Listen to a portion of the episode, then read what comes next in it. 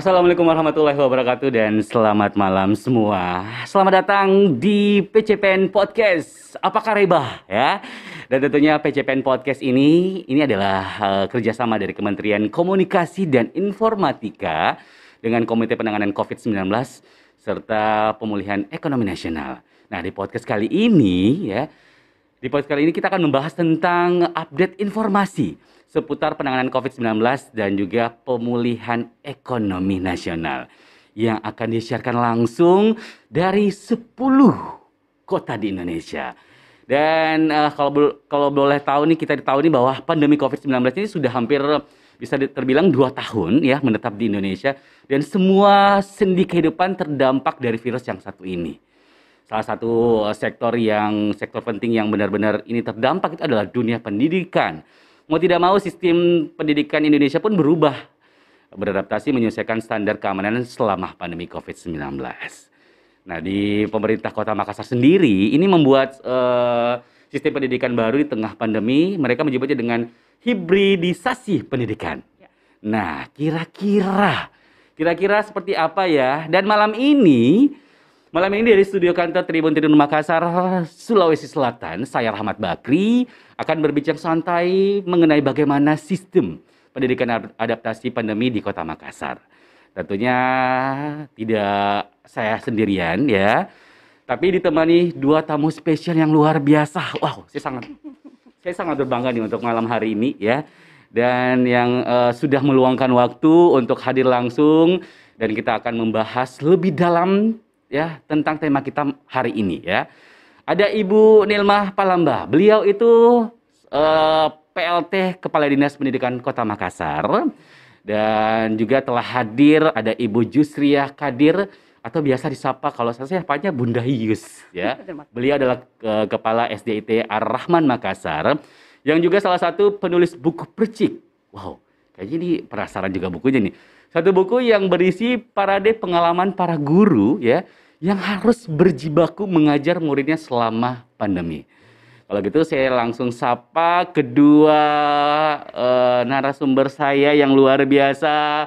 Apa kabar? Selamat malam Ibu Nilma. Selamat malam Mas Rahmat. Alhamdulillah. Bunda Yus? Sehat. Alhamdulillah. Bunda Yus gimana kabar? Alhamdulillah, baik Alhamdulillah. Siap, siap. Boleh, boleh kalau boleh lebih rapat lagi biar uh, yang menyaksikan kita secara langsung ini jelas suaranya ya. Baik, Pak Rahmat. Bu Nilma dan juga Bu Dayus. Baik. Makassar dua hari ini hujan. Betul. Sempat basah? Hah? Sempat basah.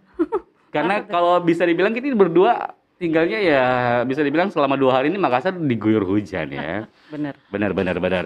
Nah, kalau ngomongin uh, yang biasa yang luar biasa nih kalau misalnya sekarang kita masih belum belum bisa dibilang belum bebas dari masalah pandemi ya COVID-19 ya. Dan tentunya kita pengen langsung ngobrol-ngobrol ya dengan kedua narasumber saya yang luar biasa. Mereka ini sibuk. Satu ya PLT eh, Kepala Dinas Pendidikan. Pendidikan Kota Makassar, kepala sekolah sama-sama kepala ya. Sama-sama. Bu Dilma itu kepalanya kami loh ya.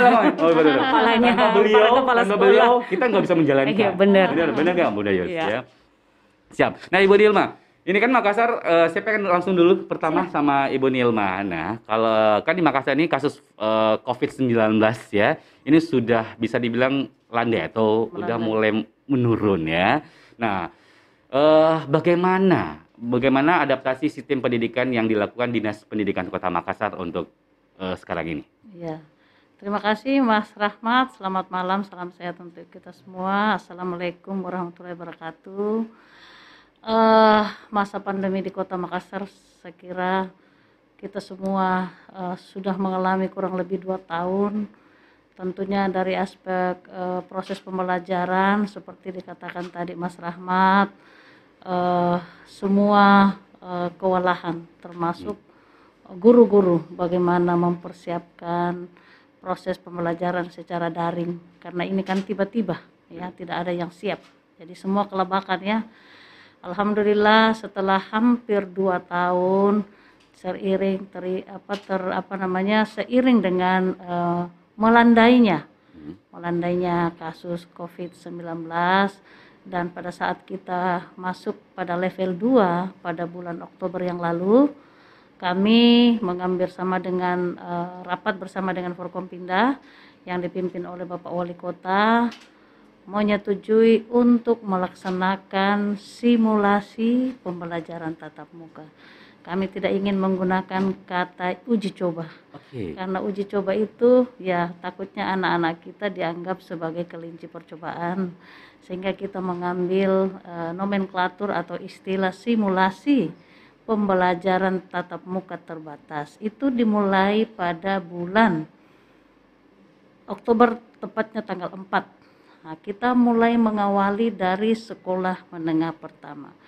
Tentunya eh, kita tidak serta merta ya tidak serta merta eh, melaksanakan itu. Tapi kita sudah persiapkan dari awal sejak bulan Juni kemarin kami sudah melaksanakan verval atau verifikasi dan validasi terkait dengan daftar periksa sekolah Hmm. di mana empat komponen dasar harus disiapkan oleh satuan pendidikan baik itu SD, SMP dan PAUD. Empat komponen itu adalah administrasi, kemudian kesiapan belajar, kemudian sarana prasarana, kemudian resiko eh, faktor resiko. Keempat ini ketika kita akumulasi akan ter- eh, menjadi 46 indikator yang harus disiapkan oleh setiap satuan pendidikan untuk melaksanakan pembelajaran tatap muka. Nah, seperti itu persiapan kami. Kemudian eh, pada saat itu juga ter- terbitlah edaran Wali Kota Makassar di mana di dalamnya mengatur ter- ter- terkait dengan proses atau mekanisme pembelajaran tatap muka, kemudian jadwalnya, kemudian tentunya di dalamnya juga ada prokes yang ketat, kemudian bagaimana dengan pulau dan sebagainya. Semua sudah jelas di dalam eh, surat edaran wali kota yang diterbitkan tanggal 3 Oktober pada bulan Oktober pada tahun 2021 kemarin.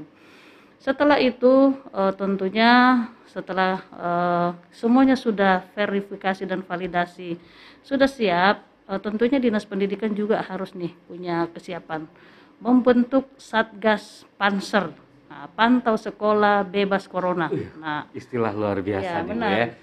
dinas pendidikan punya satgas panser yang ada di masing-masing kecamatan.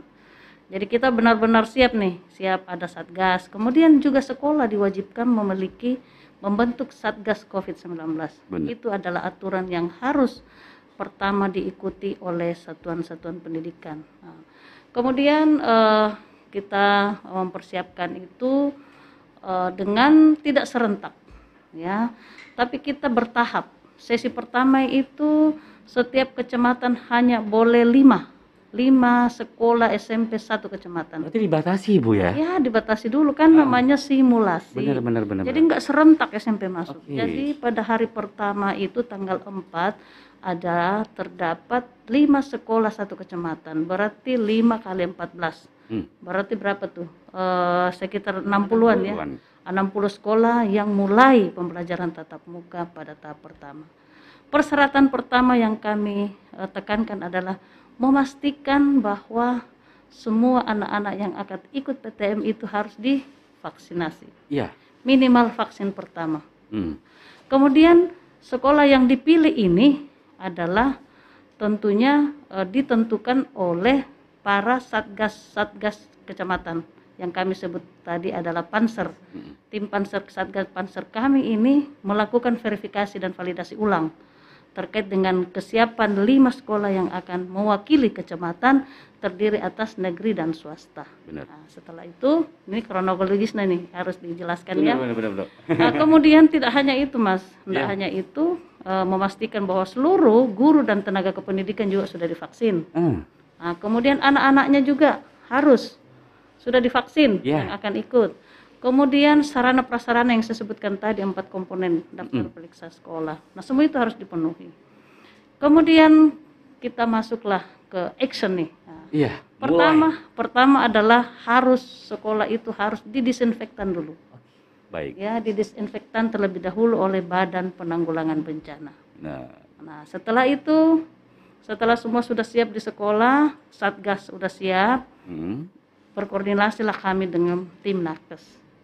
Ya tim nakes dari dinas kesehatan untuk melakukan swab antigen kepada seluruh peserta didik yang akan ikut dalam simulasi pembelajaran tatap muka itu yang terdiri atas kurang lebih 60 sekolah yang kami sebar di semua kecamatan dan tim nakes bergerak juga untuk melaksanakan uh, swab antigen. Swab antigen. Nah, setelah melakukan swab antigen tentunya persyaratan protap protokol tetap prokes dan hmm. prokes ini tetap berjalan tentunya diawali dengan suhu tubuh pengecapan suhu tubuh. pengecapan ya. suhu tubuh setelah suhu suhu tubuh dicek maka masuklah kepada proses antigen nah, setelah antigen dilakukan maka boleh masuk dalam kelas Nah itu prosedur Proses, yang kami tetapkan. Iya. Prosesnya ya, ya Bu ya. ya. Seperti itu. Benar-benar. Kalau terbilang sudah hampir memasuki sudah dua bulan ya, ya. untuk uh, program uh, pembelajaran tatap muka. Ya. Yang kalau bisa dibilang ini yang menjadi uh, panikan itu adalah orang tua dari para siswa biasanya. Nah, waduh, sudah sudah waktunya nih mereka tatap muka, apalagi anak sekolah ya. Berarti ini peraturannya dari dari sekolah dasar sampai SMP. SMP. SMP. Ya. SMP ya. Dan tentunya ini yang bisa dibilang peraturan-peraturan itu harus ada vaksin dulu vaksin. yang usianya mungkin sudah uh, 13 tahun ke atas. 13 tahun ke atas dan kalau misalnya yang antigen itu yang untuk anak SD ya. Semuanya harus di antigen. Semua antigen dan ini sudah menjadi program dan fasilitas yang diberikan oleh ya, pemerintah, uh, kota. Pemerintah kota, benar-benar. Ya. Nah, untuk sejauh ini nih Bu, uh, gimana antusias dari uh, anak uh, siswa-siswi ya. yang akhirnya waduh udah dari kemarin-kemarin udah nggak sabaran nih bu pengen ketemu yeah. bisa dibilang terbilang sudah hampir dua tahun ya mereka nggak ketemu gurunya nggak ketemu sama teman-temannya dan yeah. mereka ketemunya ya via via daring online, ya via ya. online nggak tahu temannya yang siapa orangnya gimana yeah, gurunya karakternya gimana yeah. itu gimana nih oh, yeah. Ya, jadi memang uh, awalnya ya hmm. karena persyaratan yang ketat itu harus vaksin. Awalnya sih banyak masih banyak anak-anak kita khususnya ya sekolah swasta yang orang tuanya belum mengizinkan anaknya untuk vaksin. Benar. Ya karena ini kan vaksin di bawah 17 tahun, berarti benar. harus ada persetujuan orang tua. Benar, benar. Nah, itulah yang membuat sedikit kendala. Namun seiring berjalannya waktu, anak ini kan tidak boleh ke sekolah hmm. ketika tidak divaksin melihat teman-temannya sudah bergembira pergi sekolah hmm. dengan suasana yang riang dia yang ada di rumah yang mendapatkan pembelajaran jarak jauh yang tadi hybrid itu iya. aduh kayaknya pengen banget nih ke sekolah melihat teman-teman aku vaksin deh dengan sendirinya bener, dia bener. mencari puskesmas orang tuanya ma aku mau pergi vaksin ya. aku mau sekolah katanya belum disiapin nah, di sekolahnya belum, dia yang antusiasnya ya, ya seperti itu akhirnya nah. udah orang tua mengantarkan anaknya ke puskesmas yang terdekat untuk naik. Alhamdulillah eh, cakupan vaksinasi untuk peserta didik kami sudah hampir 100%. Luar sudah biasa. hampir 100%. Dengan adanya pengaturan yang ketat. Benar, Karena begitu antusiasnya anak-anak ini bersekolah mm -hmm. dengan syarat yang ketat itu akhirnya cakupan vaksinasi kita di Kota Makassar hampir 90%. Siap. Nah, pada awalnya kemarin bilang dibatasi nih ya, setiap ya uh, wilayah ya dari di Kota Makassar sendiri. Ya. Ada beberapa sekolah saja yang ya. mulai uh, simulasi, simulasi ya. dan mulai vaksinasi. Ada kendala nggak sama sekali nih Bu untuk uh, vaksinasi sendiri nih untuk uh, program yang dilakukan pemerintah? Ya itu tadi hmm. kendalanya nah, karena masih ada anak-anak belum semua anak-anak uh, divaksin. Hmm. Dengan aturan yang ketat kami perlakukan itu. Tapi seiring berjalannya waktu ternyata udah pada mau sekolah jadi terpaksa harus vaksin. Iya. udah semangatnya, udah antusias semangat, ya pengen ketemu. Uh, uh. Udah kangen sekolah, bangku sekolah, Bu ya. Iya. Bisa dibilang waduh kayaknya ini masa-masa kok kita masa-masa uh, anak-anaknya ini kita kayaknya di pending 2 tahun ya, iya. bener-bener. Uh, Nah kalau gitu saya pengen Bunda Yus dulu nih. Bunda Yus, selaku ya. kepala sekolah nih ya, pelaku di bidang pendidikan sendiri yang langsung terjun langsung melihat uh, situasi ini gimana nih? Uh, uh, anak-anak didiknya nih sendiri nih? Baik. Kondisinya sekarang. Uh. Oke. Okay. Eh, kami perlu jelaskan bahwa uh, SD Itiar Rohma ketika baru mulai pandemi itu kami juga gelagapan. Hmm. Tiba-tiba sekolah tidak boleh, anak-anak tidak boleh pergi ke sekolah. Guru-guru, uh, kami juga sebagai pimpinan sekolah merasa kebingungan harus seperti apa. Awalnya itu pembelajaran karena memang dari awal uh, di sekolah kami itu ada WA grup orang tua. Awalnya di drop, Hmm. di drop lah. Ini pembelajaran hari ini, ini yang dikerjakan. Benar. Terus kok cuma begitu? Hmm. Kok nggak ada sesi penjelasannya? Maka mulai guru membuat video menjelaskan tentang materinya. Diupload di situ. Ternyata ada lagi kendala. Misalnya ada orang tua yang belum sempat mendownload videonya. Benar. Diulang lagi. Akhirnya kami berdiskusi di sekolah, eh, kami memberikan kebebasan pada guru menggunakan aplikasi apa untuk pembelajaran di eh, awal pandemi itu ya, sekitar Maret sampai Juni 2020. Ada yang eh, memilih menggunakan Telegram. Iya. Karena dengan pertimbangan di Telegram itu file tidak mudah hilang, Hmm. eh, lebih mudah eh, dan kuotanya sepertinya lebih sedikit. Ada kelas yang menggunakan Edmodo. Tapi eh, secara semua ya, siswa tidak siap dengan kondisi ini, guru tidak siap, orang tua juga tidak siap. Nah, yang menjadi persoalan kan sebagian besar tanggung jawab guru dalam pendidikan kan dialihkan ke rumah. Mm-mm. Nah, apa yang terjadi? Ternyata orang tua juga tidak paham dengan aplikasi-aplikasi ini, Bu. Iya. Akhirnya oh, guru membuat lagi video tutorial menggunakan ini. Iya. Langsung ya. Langsung makin canggih kayaknya Iya. pembelajarannya ya. Ya. Dan saya juga sebenarnya cukup eh, mengapresiasi guru-guru saya ya. Eh, mereka betul-betul bayangkan ya dari eh, yang tidak pernah membuat video, akhirnya harus berani membuat belajar. video, belajar aplikasi membuat video, memasukkan Ya. suara, Ya. memasukkan teks. Oh, Kan semua orang dipaksa belajar nih Iya, dengan oh, pandemi. oh. Uh-uh. Tapi di awal semester di Juli 2020 2020 ya, Iya. Hmm. itu kami sudah membuat eh, kesepakatan bahwa kita akan menggunakan Zoom. Hmm. Jadi selama pandemi itu kami tetap belajar tatap muka tapi jarak jauh, Bu. Hmm. Eh, Zoom eh, setiap tiga kali dalam sepekan, Mm-mm. dua kalinya itu menggunakan Google Classroom. Google Classroom. Uh-uh. Siap. Jadi eh, anak-anak sudah lebih mudah Benar. karena kalau di Google Classroom eh, pengumpulan tugas lebih aman. Ya. Dulu kalau di WA diupload kemudian terhapus datanya kan kasihan. Ya. Kasihan gurunya, kasihan eh, anaknya harus mengerjakan ulang kayak begitu. Nah, penggunaan Google Classroom eh, menggunakan Zoom itu pun mulai diapresiasi orang tua. Mm-mm. Oh, jujur ya Bu, karena kami sekolah swasta eh, tidak mungkin eh, pastilah eh, kualitas yang eh, paling kita Terbaik, utamakan, pelayanan pada orang tua dan anak eh, sangat diutamakan. Dan alhamdulillah sejak menggunakan eh, pembelajaran eh, tatap muka jarak jauh via Zoom, eh, orang tua mulai eh, terbiasa dan saya pikir eh, semua orang dipaksa belajar. Hmm. Iya. Mau Orang tua juga. Suka Iya. tidak suka. Yang kalau bisa dibilang dulu itu yang belajar adalah siswa, Anak. Anak anaknya. sekarang orang tua. Sekarang orang tua yang bawaannya belajar. Iya. Dia yang istilahnya yang paling ribet bawaannya ya Bu ya. Oh. Kalau nggak anaknya nggak mau ya ibunya yang ngerjain. Nah itu itu juga salah satu eh, kekurangan saat pembelajaran eh, jarak jauh. Iya benar Bu. Bener nggak sih ini anaknya yang kerjakan, jangan-jangan Betul, orang yang di betul. sekitarnya. Tapi di situlah bahwa guru itu adalah profesi yang mulia dan tidak bisa digantikan ya. Luar biasa. Tapi memang ya guru adalah pahlawan tanpa pamrih ya. Profesi yang Masih mulia. masih. Sebenarnya kayak begini Bu, eh, saat Zoom itu beban juga sebenarnya pada guru.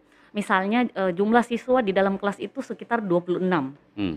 Sebenarnya kita nggak bisa menghitung cuma 26 Pak. Hmm. Harusnya dihitung 26 plus 1 plus Iya. eh, enggak Plus satu orang plus tuanya. satu plus orang tuanya. Ah, 26 berarti 50 lebih. Ih, bener, Bu. 52. Eh, saya sering mengajar, kan saya juga masih mengajar. Iya. Saya, masih- eh, saya tetap mengajar, Bu.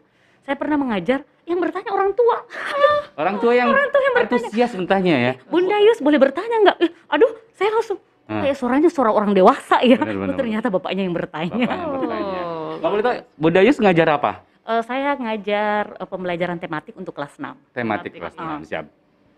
Nah, kalau eh, Bunda Yus sebagai kepala sekolah di SDIT Ar-Rahman ya. Rahmah. Ar-Rahmah, sorry. Iya, benar. dan juga tentunya eh, ngajar juga tadi Iya. salah satu mata pelajaran dan tadi yang menjadi masalah ini guru-guru yang tiba-tiba langsung belajar Mm-mm. teknologi yang misalnya via Zoom ya yang mereka mungkin bisa dibilang waduh saya nggak biasa Iya, nggak teknologinya pernah. makin canggih gitu ya, pengen canggih.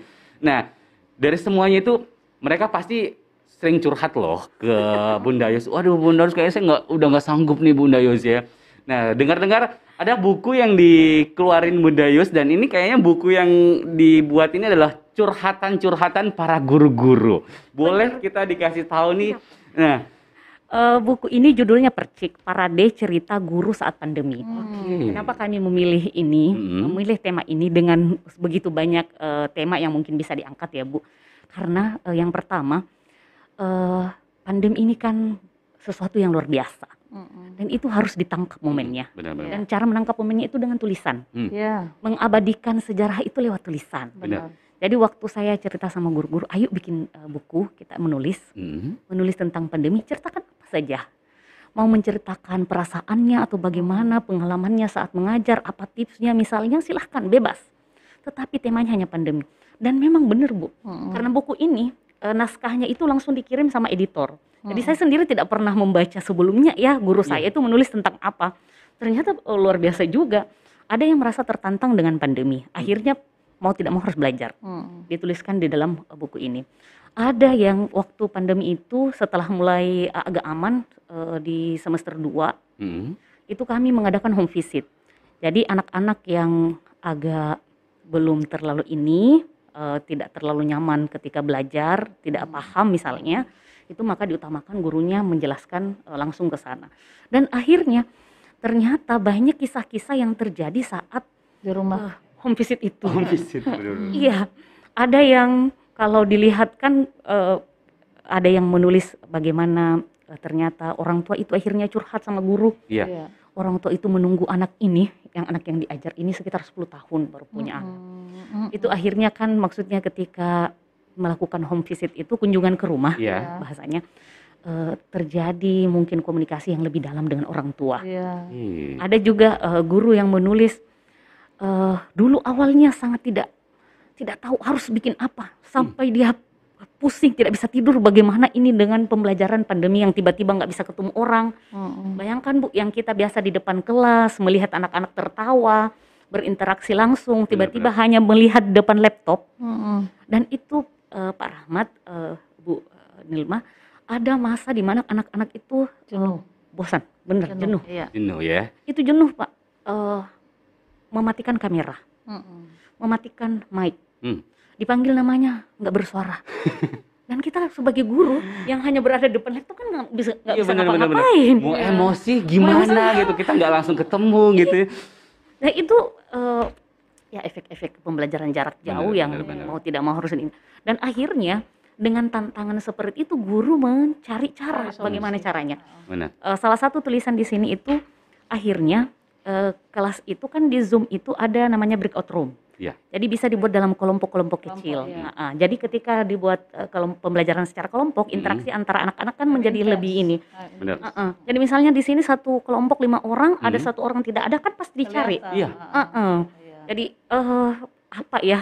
Masalah itu menjadi tantangan dan tantangan membuat kita menjadi belajar. Kreatif ya, Seperti kreatif. apa? Semuanya semuanya itu lahir Mm-mm. Terkumpulkan di buku ini. Tapi dari di buku ini ini Hmm. semua totalnya adalah guru-guru dari Oh, iya. Ar-Rahmah sendiri atau ada curhatan-curhatan dari guru-guru lain juga? Eh, enggak, eh, totally hanya dari SDIT Ar-Rahmah. Dari Jadi kumpulan tulisan guru Ar-Rahmah Tapi tentang luar- masa pandemi. Tapi luar biasa loh. Berarti Bunda Yus nggak menerima tulisan-tulisan dari guru-guru langsung di editor ya? Langsung, oh, saya Bunda Yus nggak tahu sama sekali Nggak tahu. isinya apa gitu Iya. sebenarnya. Jadi saya membebaskan para guru menulis apa pun Apa yang aja. mereka rasakan. Benar, Perasaannya, benar. ah. Oh, tapi Bu Kadis setelah pen- peluncuran buku ini pada tanggal 25 November Ya, itu kemarin. kan diikuti orang tua. tuh. Iya. Eh orang tua jadi terinspirasi juga mau bikin kumpulan tulisan para Oh, orang tua. iya, iya, iya, Oh, Mudah-mudahan iya, iya. jadi.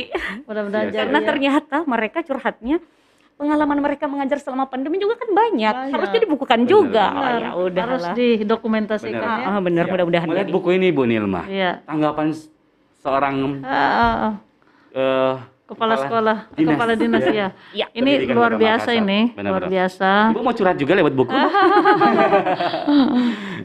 Bu ada eh, kan ibu juga nih eh, bisa dibilang punya putra putri gitu kan? Iya. Udah punya cucu. Iya. Pastilah putra putri yang eh, sudah punya anak sering cerita ke ibu. Aduh bu, kayaknya saya udah ngangkat tangan nih ngurusin cucunya ibu nih. nah gimana nih? Pernah nggak terima keluh kesah yang mengalami keluh kesah yang sama gini yang sempat dicurahkan dicurahkan lewat buku dan ini guru-guru dari uh, SD ITR Rahmat sendiri. Iya. Oh ya, Mas uh, Rahmat, uh, kebetulan anak saya yang bungsu itu udah kuliah juga. Uh, uh, jadi uh, ya seperti ini juga online. Akhirnya dia ada sedikit terganggu kesehatan di daerah punggung, Punggung, kan, ah. punggung karena ya sering di laptop. Iya benar-benar. Bahkan uh, mum- uh, mungkin karena uh, apa ya sudah tidak kenal waktu lagi, biar malam juga kuliah. Hmm. Mungkin ada materi yang terpending siang atau pagi hari, gurunya dosennya sibuk, akhirnya kadang-kadang malam loh. Udah jam 11 nah aku masih online. Iya, ma- ini tadi gurunya ber, dosennya berhalangan. Akhirnya ya itu juga sudah nggak kenal waktu lagi, nggak kenal Benar. tempat lagi. Dengan adanya pandemi ini, orang belajar setiap saat, di mana saja dan kapan saja. Namun ya efeknya itu ya kesehatan anak kita kan, Benar, yang benar. harusnya istirahat, sudah nggak bisa istirahat dan sebagainya. Benar itu yang istirahat, akhirnya ya belajar lagi. Belajar Waktu lagi. waktunya ditambah lagi ya. Iya. Kalau dulu kalau kita ngomongin sekolah ya, Kita di kampus itu kan dari, hanya sampai dari pagi sore, sampai siang, atau siang. sore. Ah, ini ini ada malam. malam ya. Mm-mm. Ini kayak shift shift shiftan nih kayaknya. Bener bener bener. Ah, Tapi Ada loh kelebihan itu tuh? pandemi mas. Eh, kelebihannya itu anak-anak jadi kelebihan berat badan. Ah, bener saya tahu, saya tahu. Sambil belajar sambil ngemil. ngemil ngemil Nah, betul. itu bu salah satu tantangan nanti Iya. ketika orang sudah benar-benar belajar, anak-anak harus diadaptasikan dengan kebiasaan baru. Iya, Misalnya benar. eh, makan yang tadi. Kalau di rumah kan belajar makan, belajar makan Iya. terserah. Nah, orang kalau di sekolah kan sudah harus sudah harus mengikuti menyesuaikan aturan-aturan aturan, ya. iya. Nah, itu mungkin memang perlu di harus kondisikan, menyesuaikan Mm, Benar. adaptasi benar-benar sebelum anak-anak betul-betul full eh, bersekolah. Harus sekolah. Tapi ini nih, mungkin kalau tadi Bunda Yus bilang kalau misalnya kita lagi eh, ngasih materi, ngasih pembelajaran, terus tiba-tiba ada yang nggak muncul videonya, itu masalahnya kayak lagi ngemil bu, lagi makan bu. Aduh kayaknya lagi malas dia lagi makan ah.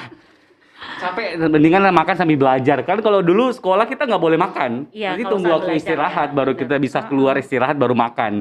Nah ini benar-benar yang seperti Bunda Yus bilang, wah kita kayaknya banyak banyak nipu berat badan banyak nipu ya. juga ya Benar benar benar benar. bajunya baju di atasnya Di atas, oh, baju di atasnya baju sekolah di bawahnya celana tidur Biasa bu difotoin Iya. sama orang tua murid. Heeh. Di atasnya baju seragam, bawahnya sarung. sama heeh. Terus baju Wih, tidur. tapi luar biasa bu ya. belum mandi lagi Eh, tapi yang yang bikin saya kasihan tuh bu ya, Iya. itu biasanya ada yang tiba-tiba eh, belajar gurunya di grup besok belajar pagi jam gini. Yang mereka biasanya santai Iya. belajar karena masih pandemi, akhirnya mereka harus belajar dan itulah tadi ada yang nggak belum mandi segala, yang nggak ada persiapan ada khusus persiapan khusus. Ah, ah, ah. Itu Tidak seperti kalau sekolah offline. benar. Kalau sekolah oh, sekolah offline tatap muka ya kan mereka harus bangun pagi-pagi mandi. pagi mandi ya. udah bersih udah rapi Bener. siapin bekal Mm-mm. Nah, Sudah sekarang sarapan. oh sudah Bener, sarapan bener, bener. jadinya nggak teratur malah ya benar benar benar benar. Tapi semuanya ya dijalani dengan benar-benar dengan ikhlas banget ya. Apalagi Bunda Yus ya melihat buku yang satu ini ini sejak kapan mulai terbit? Eh, Agustus sih sebenarnya terbitnya, cuman kami memang meluncing di Hari Guru. Yang Jadi kemarin memang itu ya. ya benar Bu. Kami memilih eh, eventnya, momennya Mhm. itu di Hari Guru eh, 25 November 2021. 2021. Iya. Siap. Tapi dari eh, pembelajaran dan curhat-curhatan ini saya belum baca nih bukunya. Oh ya tidak apa-apa. Yang paling berat cerita curhatannya nih apa nih? Kita Siapa boleh nih? tahu nih apa nih? ada ada. Boleh dikasih tahu ke yang yang lagi menyaksikan kita nih ada dari kisah dari buku-buku ini dari kumpulan guru cerita curhatan-curhatan guru ini yang paling berat curhatannya tentang apa nih, Bu? eh di SDT Rohma itu kan sering ada kegiatan ya, Hmm. maksudnya bukan hanya belajar, ada kegiatan outing, ada kegiatan berkemah, Mm-mm. ada kegiatan eh, kegiatan-kegiatan yang dilakukan di sekolah tapi bukan Dalam belajar kelas. biasa. uh-uh. Nah, yang paling menyedihkan itu yang Hmm. saya baca ya, saya saya tidak bisa bilang berat ya, maksudnya berat dalam yang menyedihkan itu eh, di sekolah kami itu ada program namanya Munakosa Al-Quran. Jadi eh, anak-anak itu akan belajar, nanti dia ujian, ujian Al-Quran, eh, hafalan dan bacaan. Mm-mm. Nah di saat itu antara Februari ke Maret 2020 itu kan anak-anak sudah siap. Benar. sudah tinggal di munakosyahnya. Hmm. Tiba-tiba pandemi Pandemi, datang. Nah, itu kan itu eh, guru saya menuliskannya saya sendiri menjadi terharu ya Allah ternyata sesuatu yang mungkin menurut eh, kita biasa-biasa ternyata itu sangat eh, mengharukan bagi se- seorang guru mungkin ya sudah menyiapkan siswanya mengikuti ujian eh, tersebut tiba-tiba eh, pandemi datang dan akhirnya kan sistem ujiannya menjadi berubah semua Iya. Hmm. semuanya menjadi eh, jarak eh, jarak jauh Jarak jauh, benar Iya. benar. benar. Tapi kalau bisa bilang nih deh, Bu, Bu Nilma sendiri nih ya, eh, apalagi di dinas pendidikan sendiri di Kota Makassar nih ya, ini akan memperlakukan namanya hibridasi pendidikan. hibridisasi pendidikan Hibridisasi pendidikan. Konkretnya ini seperti apa nih? Eh, hibridisasi itu adalah eh, penggabungan antara pembelajaran online dan offline. Ah, ah, karena kita kan ini eh, dibatasi ya, eh, hanya boleh 50%. Eh, pada saat launching eh launching pada saat dimulainya simulasi pembelajaran tatap muka kemarin, kami di SMP 6 ada beberapa sekolah yang sudah langsung mempraktekkan hibridisasi pendidikan Benar. dengan menggunakan teknologi smartboard. Ya. Ya, smartboard itu eh, jadi pada saat eh, gurunya mengajar, anak-anak yang di rumah juga eh, seolah dengan teknologi itu anak di rumah yang belajar da- dari rumah itu seolah-olah berada dalam kelas dan interaktif. Menjelaskan juga. Interaktif, ya bisa menulis langsung ter, eh, ter bisa dibaca di eh, Smartboard-nya. Siap. Jadi eh, haknya sama, kemudian suasananya juga seperti dalam kelas Hmm. dengan teknologi smartboard itu. Nah, itu yang kami terapkan dengan hibridisasi pendidikan. Siap. Itu akan dibuatin kurikulum kak? Eh, itu kita ke depan pasti, pasti kan ini kan kita kurikulum baru lagi ya. Hmm. Ada wacana ya dari Ya, dari Menteri eh, Pendidikan Hmm. Eh, tapi saya kira dengan adanya sekolah penggerak ya, Ya. sekolah penggerak ini sangat mendukung eh, perubahan ya kurikulum 2013 ya. Benar-benar. Ya, seperti dan di sekolah penggerak memang sudah diajarkan Sudah belajarnya diajarkan. pakai aplikasi. Benar, belum. Ah, ah, karena kebetulan SDT Rahma juga adalah sekolah penggerak Sekolah angkatan penggerak. pertama di Makassar, Ya. jadi eh, kami sudah mulai pelan-pelan me- ya. menjalaninya. Jadi Menjalankan. anak-anak ada di handphone bisa digunakan aplikasi pembelajaran Oke, tersebut. berarti sangat memudahkan lagi Iya. nih pembelajaran. Tapi kalau ngomongin hibridisasi ini Iya. ya, ada nggak kendala ini sejauh ini nih?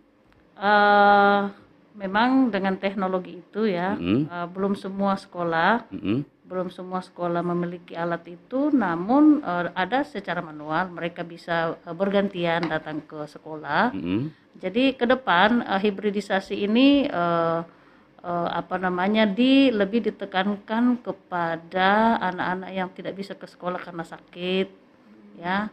Kalau selama ini kan eh, semua sudah masuk, hanya memang jadwalnya yang di shift shift Ya. kan. Nah, kalau dengan adanya kalau hibridisasi nanti ya dengan adanya teknologi smartboard itu itu mendukung, sangat mendukung eh, peng- pembelajaran jarak jauh. Baik. Ya. Ya. Jadi anak-anak yang berada di rumah seolah-olah berada dalam ruang kelas dengan teknologi smartboard itu. Benar. Nah, ke depan eh, pengadaan ataupun peralatan ini akan kami lengkapi di sekolah-sekolah lain karena tahun ini hanya tujuh kalau nggak salah delapan apa tujuh di salah satunya ada di SMP 6 kemarin kami sudah simulasi Iya. simulasi pada saat eh, dimulainya simulasi pembelajaran tatap muka Siap. kami sudah Iya. gunakan itu Siap. Nah, dengan diberlakukannya pembelajaran tatap muka nih, Bu Nilma sendiri ya.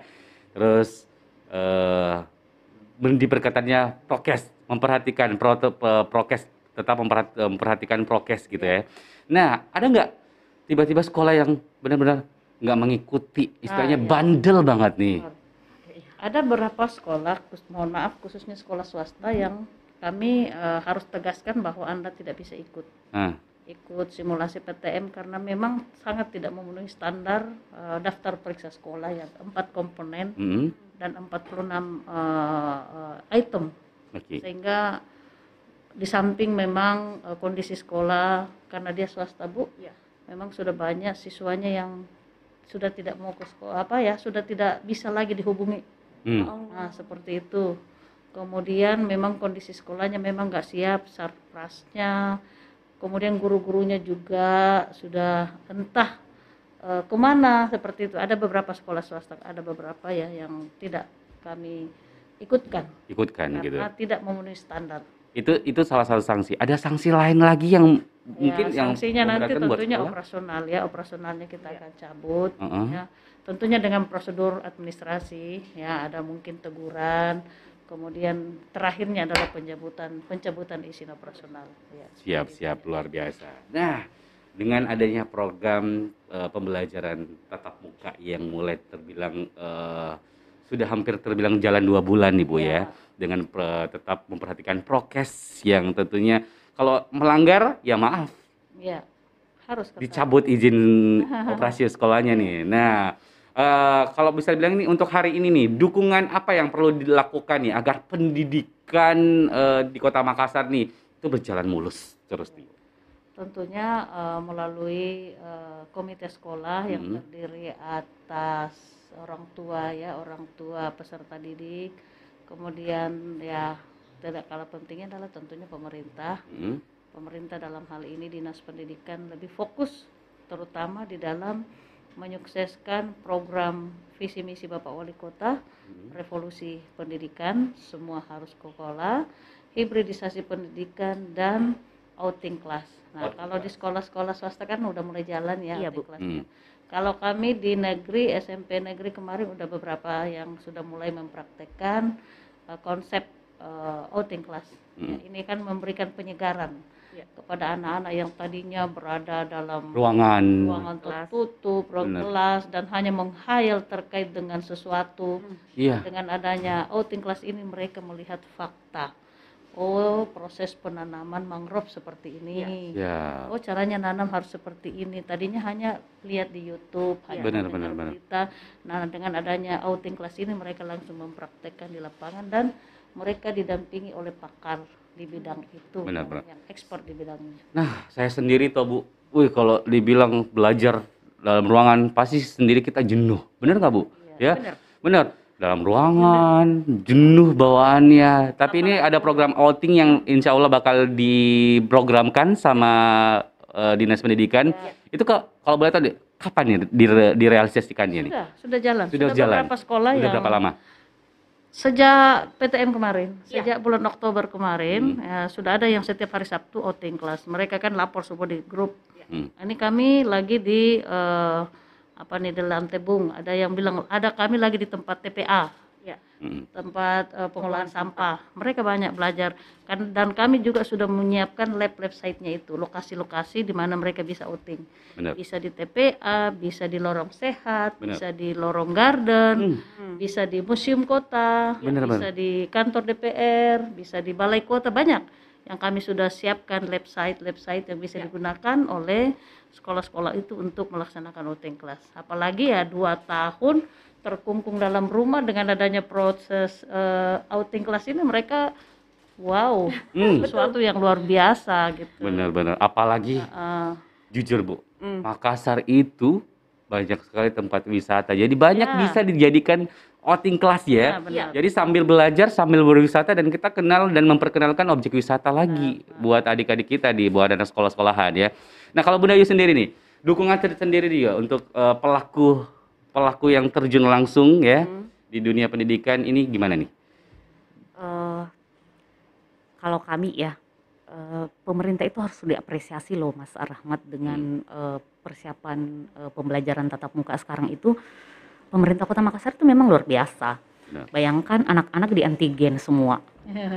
gratis Eh, lagi. Gratis, gratis, aman pula Dan ya. kami kemarin dapat apresiasi Hah? dari pemerintah eh, Provinsi Sulawesi Selatan, Kementerian eh, Kesehatan melalui Dinas eh, Kesehatan Provinsi Sulsel Hmm. memberikan eh, reward award award kepada Dinas Pendidikan Kota Makassar. Luar Itu keren sekali karena memastikan eh, ini kan sudah banyak daerah nih yang memulai pembelajaran tatap muka terbatas. Benar, benar. Eh, tapi Makassar melakukannya betul-betul dengan perencanaan yang matang. Matang ya. Itu luar biasa. Luar biasa. Eh, sekolah semua di eh, Swab- disemprot dulu semprot disinfektan. dan itu petugasnya kan bisa sampai jam berapa itu?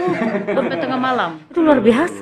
Itu kalau baca di grup ya Bu Nilma ya. Ini kami lagi di posisi di sini kepala sekolahnya belum bisa dihubungi bagaimana? Apakah ditinggalkan atau berpindah ke Iya. posisi yang lain? Oh, karena kan mereka menjaga waktu dan harus menyelesaikan target sekolah yang harus disemprot. Di benar, benar, itu luar biasa itu saya pikir Karena tidak memang, semua pemerintah eh, begitu. kolaboratif ya. Iya. Pemerintahnya ini kami dinas kesehatan, dinas pendidikan, Mm-mm.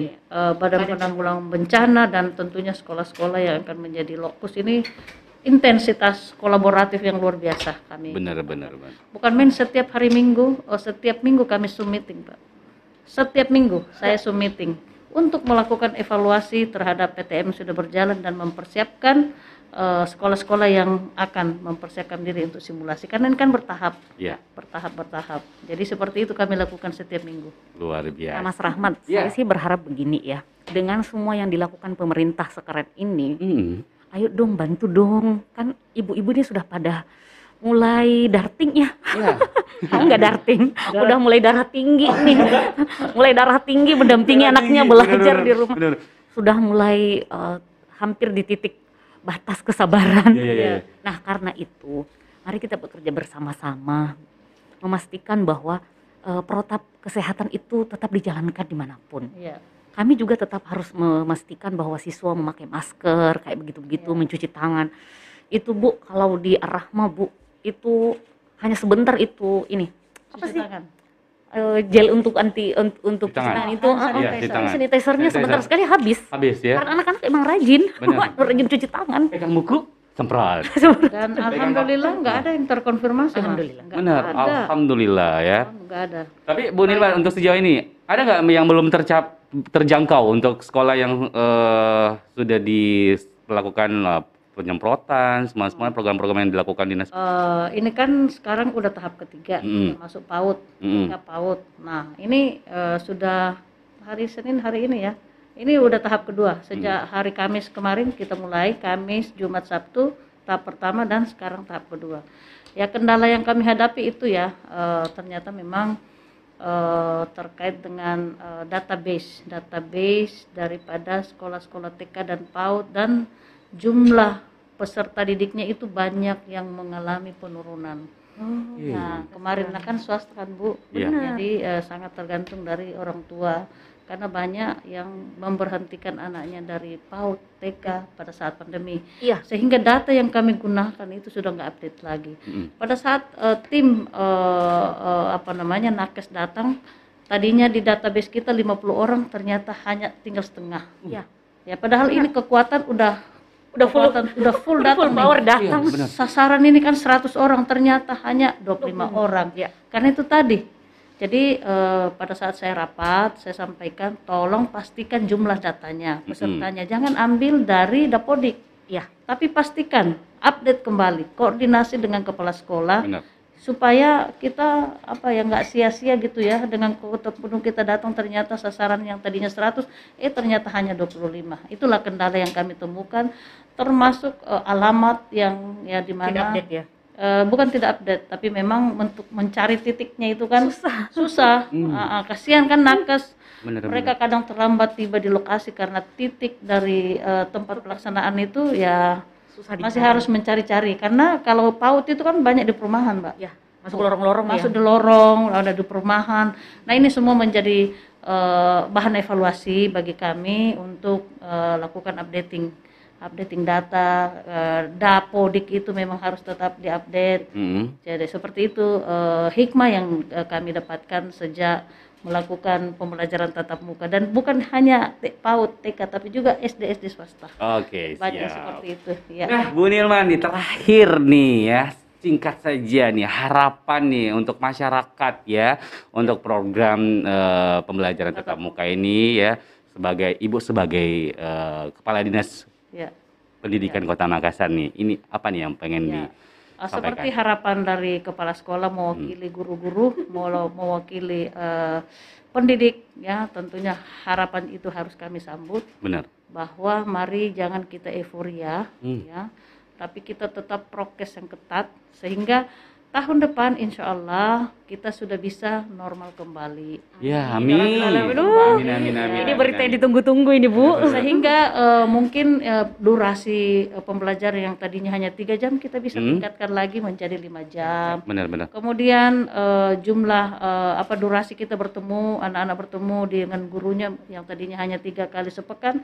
bisa empat Oh, sampai lima kali. Itu kita Benar. harapkan ketika ini terus melandai. Tapi landai tidaknya itu tergantung Itu dari kita semua Bener. masyarakat. Ketika Baik, kita baik, Bu. tidak Siap, mengikuti siap. aturan yang ditentukan oleh Mm. pemerintah, kita sendiri yang rugi. Benar. Pokoknya nanti kita lihat aja ke depannya Ya. gimana, Bu ya. Dan harapannya kita semoga yang terbaik dan ya COVID-nya segeralah Amin. Hilang dari muka bumi paling kenceng Mas. Ibu paling semangat ya. Iyalah. Oke, bakal seru nih obrolan kita tapi maaf ya kita ke terbatas waktu waktu, ya. untuk malam hari ini ya. Tapi saya mengucapkan terima kasih ya untuk dua ibu-ibu yang super banget ya menurut saya ya. Bu, terima kasih Bu. Sejempol. Sami-sami. Ibu Nilma, terima, Terima kasih atas waktu yang luar biasa juga. padat.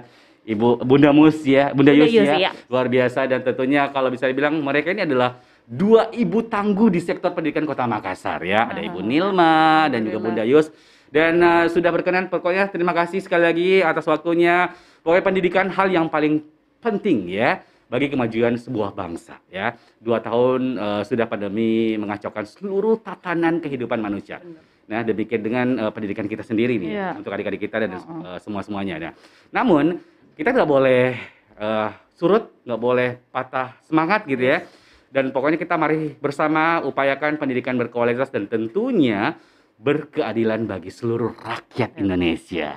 Amin ya. Amin. Nah caranya ya, nah pokoknya kita kembali mengingatkan nih bahwa pandemi belum usai bersama kita melewatinya. Ya. Dengan cara ya, caranya itu pertama mulai dari diri kamu. sendiri. Nah, lalu ke orang-orang terdekatmu dan ingatkan tetap jalani protokol kesehatan ya, ikuti vaksinasi, kesehatan pulih, ekonomi Ekonomi bangkit. bangkit ya. Insya Allah. Oke. Terima kasih. Amin. Kami undur diri untuk eh, PCPN Podcast malam ini. Jangan khawatir, PCPN Podcast masih akan menemani Anda dari kota-kota lain yang ada di Indonesia ya.